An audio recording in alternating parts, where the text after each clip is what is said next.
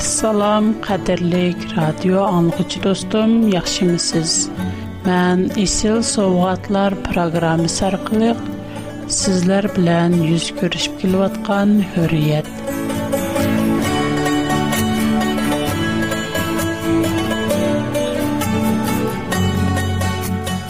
Teningizlərə salamatlik diləyirəm. Dostum, navada siz proqramımızı anlığan bolsunuz. Достымыз, урык туккан мәртлашларыгызны программабызны бергә алашқа тәклиф кылышыгызны үмет киләмен. Бүген кадерле дусларымга сунmaqчы булган сөһбәт темам insan табиәте. Без алдын хикмәтле программаларымызда insan табиәтенең гынаһкар икеллегенне hatto payg'ambarlarningmi gunoh o'tkazganligini qisqacha so'zlab o'tgan edik va qur'oni karimdan faqat bir necha oyatnila ko'rib o'tgan shunga bugun bu haqda tafsili to'xtalib o'tmoqchiman xudo aslida odamni pok sop yaratgan xudo iranbog'da odam uchun bir baxtlik makon tayyorlagan Бу мәкан дике һич кандак бер нәрсә адамның Худога ибадат килишене үзгә мәхлия кыл алмый ди.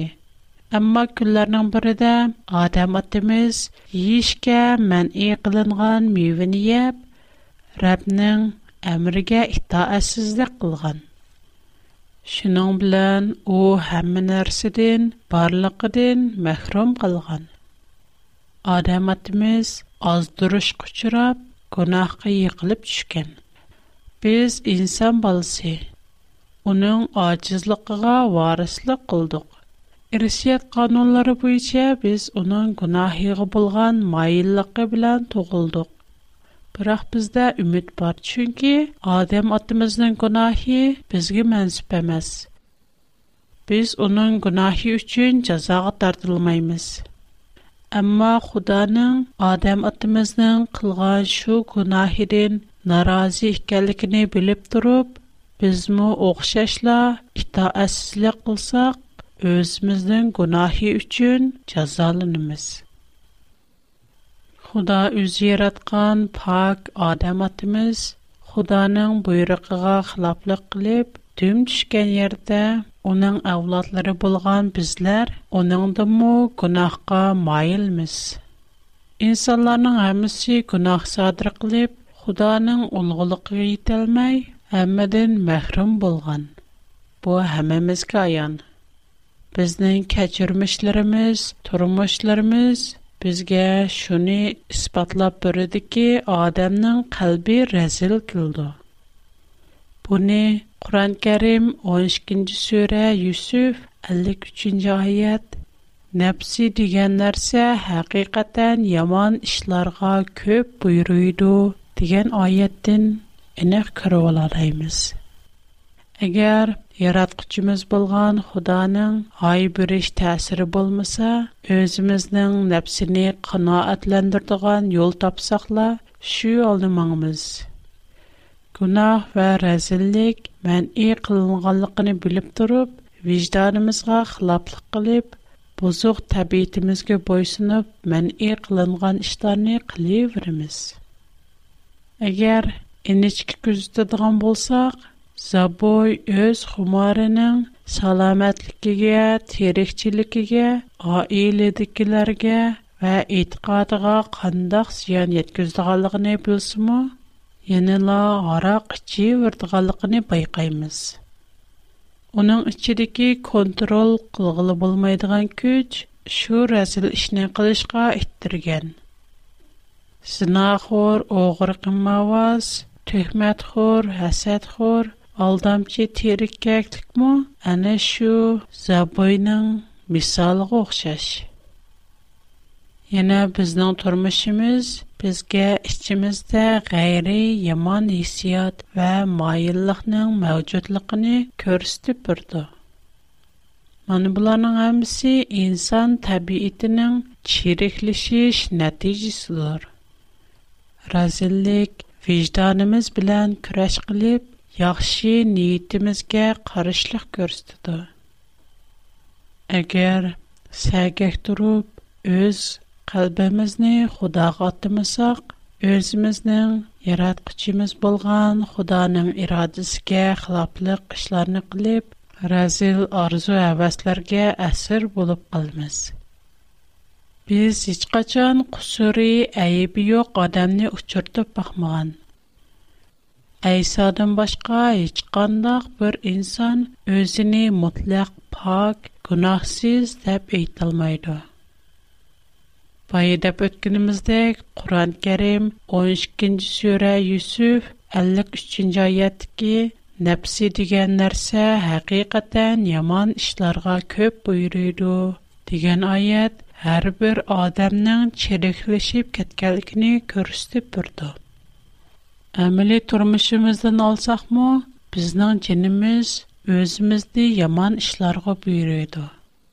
yoki shundoq yomon ishlarni bilib turib shu ishni qilishga kuch kiritadi bizni yomonlikqa osiylik qilishga undab kayf safo surishga tashna qildi hozirgi jamiyatimizning moddiy dunyoning tortish kuchi ustun bo'lg'achqa bizning arishga ko'tarilish jannatga intizorlik tashnaligimiz kamchil bo'lvotidi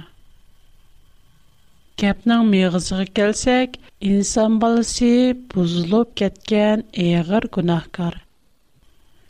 Худаның шапа ите һәм рахим шапкыты булмаган булса, бер мо адам гунахтан акылын алмаган булатты.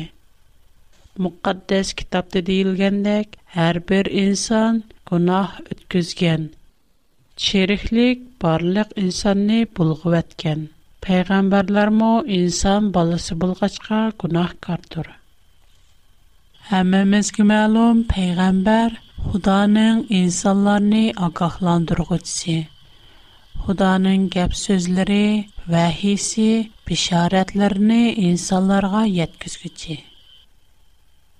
ammo ularmi o'z harakatlarida va oddiy turmushlarda gunohdan saqlangan emas payg'ambarlarmi yolg'on so'zlayalaydi yomon ishlarni qilalaydi xuddi balamga o'xshash mana bu ulardagi insoniy mohiyatning irsiy ojizligi gunohsizlik va mukammallik faqat damiga qodir ulug' xudoga mansub Mayli gunohimiz qanchalik cho'ng yoki kichik bo'lishidan qat'iy nazar, u Xudoning jazolashiga, dozoq o'tida kuyishga tegishlik.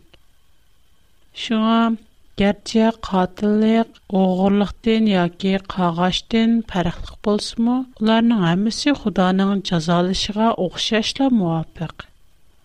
Чөнки уларның һәммәсе асилик ва итаассызлыктан килеп чыккан.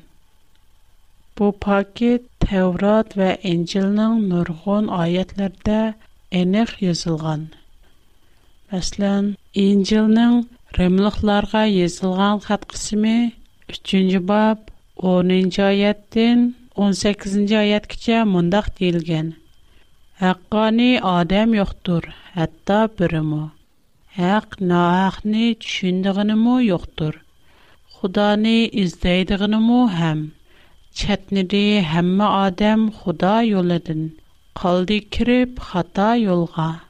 Яхшылык кылгычы юктур, хәтта бүрәмо.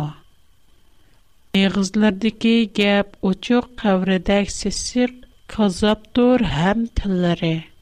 Ләвләре хутти яланның заһәр хәндیسی. Сувани ланат ваз ярдык Улар алдырайду. Қан төкүшке, қылыду барғалы еріде вейранчилик ва паа-чиялик ішларини. Йохтур хабыри аманлик йолидын қылчия, білмайду худадын му қорғышни. Адамларның хаммиси йолдын чатниди, әрзімас бұлып чыхти. Михрабалы қылғыц йохтур Адамларның һәммәсе гунах садыр кылып, Худоның улуглыгыга йетәлмәй, униң дин мәхрум булды. Шуңа да бүткәнемездә дөньяда фақат Әйсадан башка һеч кандай пак ва кусурсыз адам булып бакмаган. Шүкри чин калбымыздан, шүкри mukaddes Rabb'e şükri çünkü ey sani taqdim qildi bizga ajiz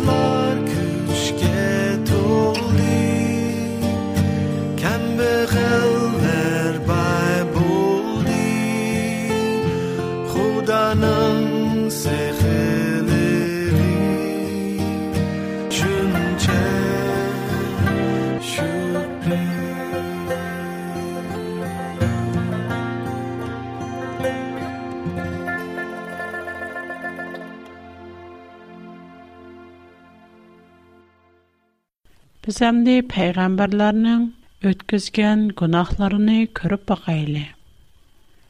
Куранда пайгамбарларның әгәр итаәсизликләрне кылганлыкы гынах үткәзгәнлек, әних дилгән. Адамата гынах үткәзгән 31-нче сүре, ха-ха, 121-нче аят.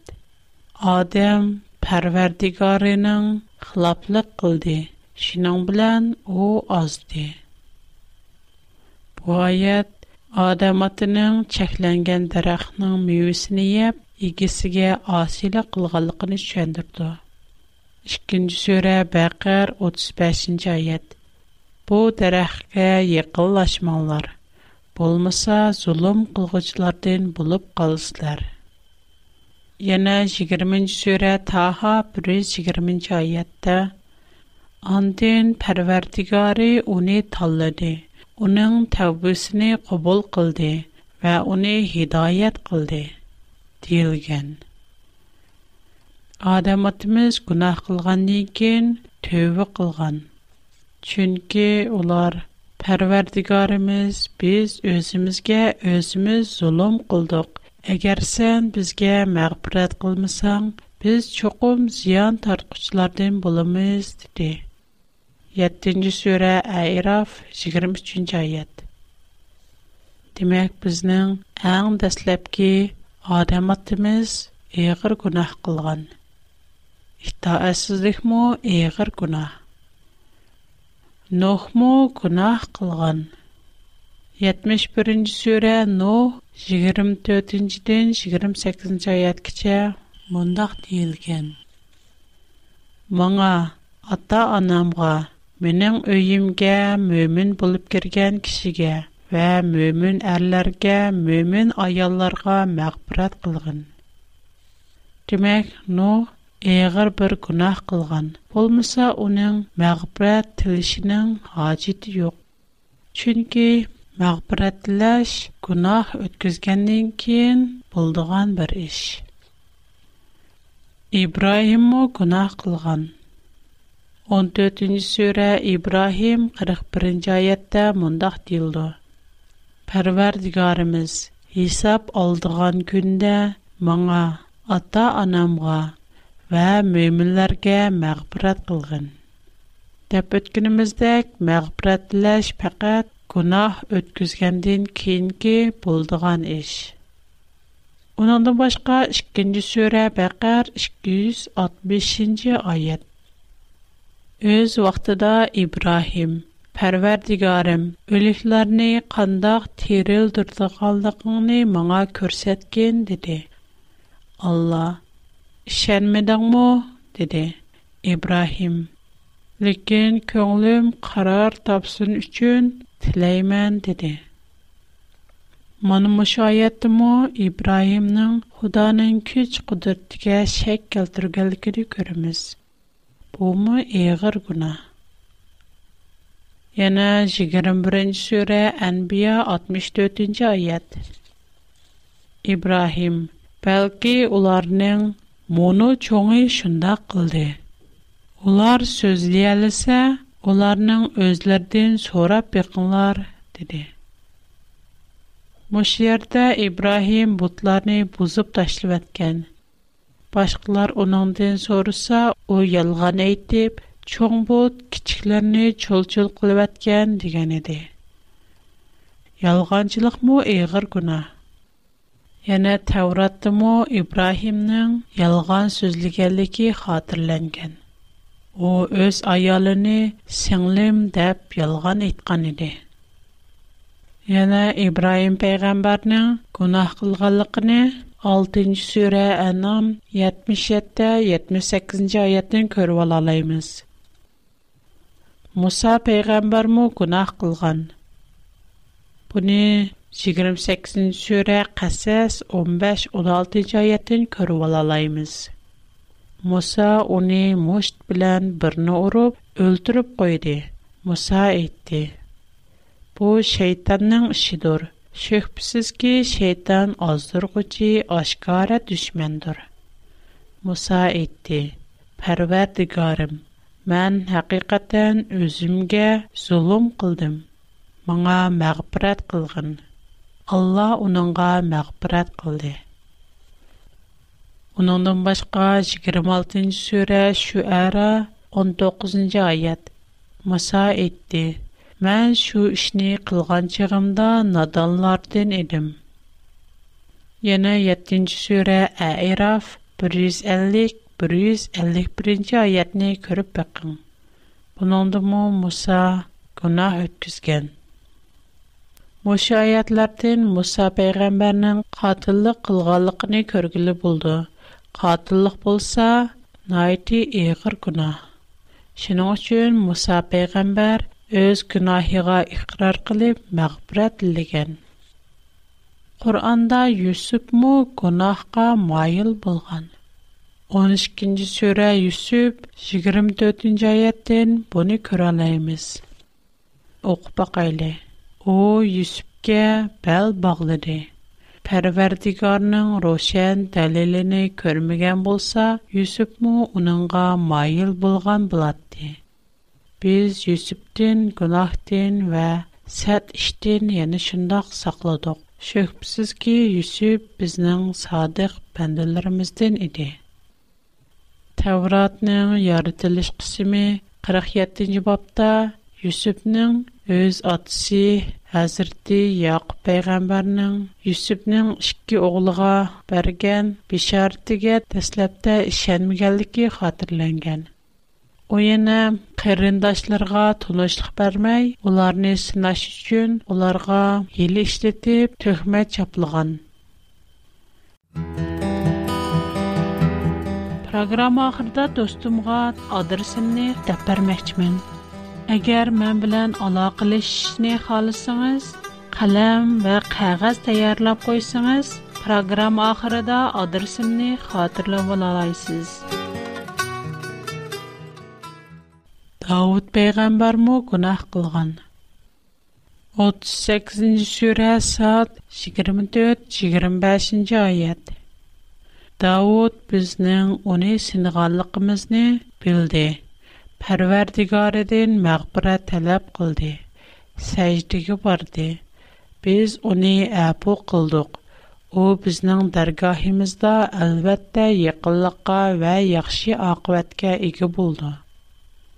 Әмәлиятта Тәвратның Самуил китабы 1-нче кысымы 11-12 баптагы тәфсилий хатırlarda уның гунаһи қатиллик ва зина икәнлегене, әмма шу җинаятларны тунып yetkәнлек өчен Худадән мәгъфирәт сорап, кечиримгә эришкәнлегене күрәләйбез. Сулайман мо гунаһ кылган. Буны яны шу сүре 31-35 аяттен көріп ола алаймыз. Әгер достларым қалыса, бұл аятны өзлерінің көріп шықшыны үміт қылымын. Оныңды башқа Тәуратның қатырлырға сасланғанда, Сулайманның күнахи ене Құданың юлдын езіп, Құдағы асилік қылыш. Аялларының кәйнеге кіріп, бұтларғы чоқыныш болған. Бұларның әмісі найты еғір күнахтұр. Yunus peyğəmbər günah qılğan. 37-ci surə Saffat 140-144-ci ayət. Yunus həqiqətən peyğəmbərlərdəndir. Öz vaxtında u qaçıb toşqan bir kimigə çıxıb aldı. Çək daşlaşdı. Yunus məğlub olğanlardan olub onu çoğ bir biliq yutuvatdı. O əyiblinişkə tigişlik idi. Әгәр ул тәсбих әйткәчләрдән булмаса иде, Белихның карнында әлбәттә қиямат кичә калатты. Әйепленешкә тегишлек иде дигән җөмләдән уның гунах кылганлыгын билебез. У хакыйкатан пәйгамбәрләрдән булып торып, яна Худога итаәсезлек кылган. Уның итаәсезлеге Тавратның Юнус кысымында тәфсили баян кылынган. u xudoning buyrug'ini anglamay xudoning ninevi shahardagilarni tovba qilishga chaqirganligini ularga yetkazmay qochib ketib oxiri ashu beliq tarafidan yutib etilgan edi ulardan boshqa yana horinmu gunoh o'tkazgan uning gunohi isroillarga cho'qinishga but yasab bergan bumi albatta ig'ir gunoh Яг му кунах өткізген. Оу елганчилик лип, агси асаунын чон оғылық мұрасу қуқыни тарту алған. Яна елганчилик лип, асынын дуасыни тарту алған. Исах му кунах қылған. Оу елган сөзлэп, өз аялыни сыңлим диген. Башка көплийен пайгамбарланын хамис му кунах өткізген. biz burun Muhammadningmu gunoh qilganligini ko'rib o'tgan edik. Bugun faqat Muhammadning gunoh qilganligi to'g'riliq ikkala oyatni qayta ko'rib o'tmoqchimiz. 48-sura Fatih 2-oyat. allohning sening ilgirki va keyingi gunohlaringni kechirish uchun sana bergan ne'matini mukammallashtirilishi uchun seni toğra yolğa başlaşı üçün, sana güçlük yardım birişi üçün, sana hakikaten roşan galbe ata kıldık. 47. Sure Muhammed 19. Ayet Bilgin ki Allah'ın başka hiç məbud yoktur. Günahın üçün, er ayal müminler üçün məğbirət dilegin. Günahın üçün, er ayol möminlər üçün məğfirət diligin deyən bu sözdən Muhammednin mu günah ötküzgənliyi çıxıb durdu. Əgər o günah ötküzməyən bolsa, Xuda nədimi günah emas işini günah deyib onu günahığa tövbə qilishqa buyurdu. Yana məşinin oxşaş ayətlərdən 40-cı surə Ğafir 1 55-ci ayət 4-cü surə Nisa 105-106-cı ayət 17-ci surə Bəni İsrail 74-cü ayətlərmə oxşar məzmunda. Uluq peyğəmbərlərinin, hətta Muhammednin mu əğir günahlarını sadir qılğanlığını bilib ötdük. biz shak keltirishga payg'ambarlardanmi moyil payg'ambarlardanmi usta gunohning cho'ng kichigi yo'q oddiysi itoatsizlikmi noiti eg'ir gunoh chunki yetmish ikkinchi sura jin yigirma uchinchi oyatda mundoq deyilgan kimki allohga va uning payg'ambariga osiylik qildikan O dozaq azabığa düçar buldu. Dozaqda məngü qaldı. Şuna günahın aqibəti ölüm. Ölüm bolsa dozaq. Nənə nurgun sürləri görüb ötkənimizdək, peyğəmbərlər günahiga tövbə qılıb məğfirət diləgən. Tövbə qılış öz günahiga ökünüş, Xudaga iqrar qılış Андин ашу гунахини ішкінчи қылмасылга бәл бағлашдин ібарад. Туу қылыш пақад гунах өткізгендин кейін буладған іш. Шуға біз қайд-қайда іспатлап өткендек, хамимыз гунахкар. Ялғанчылық му, қатилық, зинахуырлық, хитаэсізлих му, оқшашла наайди чоун Bəzidə biz yalğan sözləşni kiçik günah deyə oylayırıq.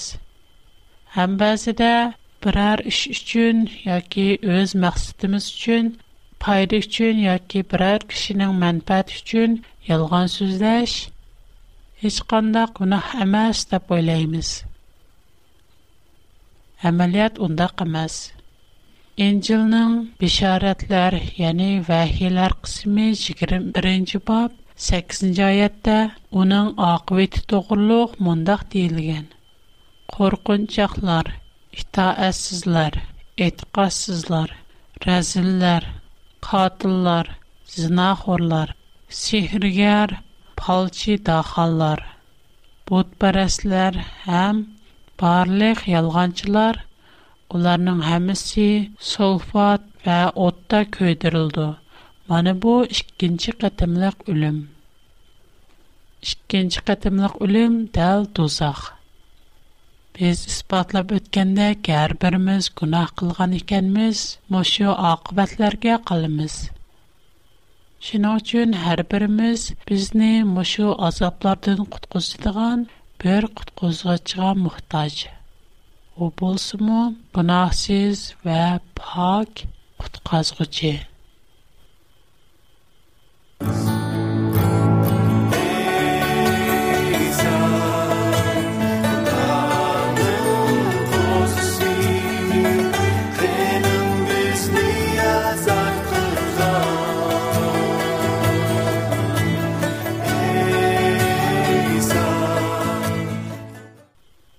Qadirlik dostum, yuqarıda biz insan balasının, hatta peyğəmbərlərinin mu günahkar ikəlikini sözləb ötdüm. Hazır siz özünüz doğruluq qandaq oylaysız?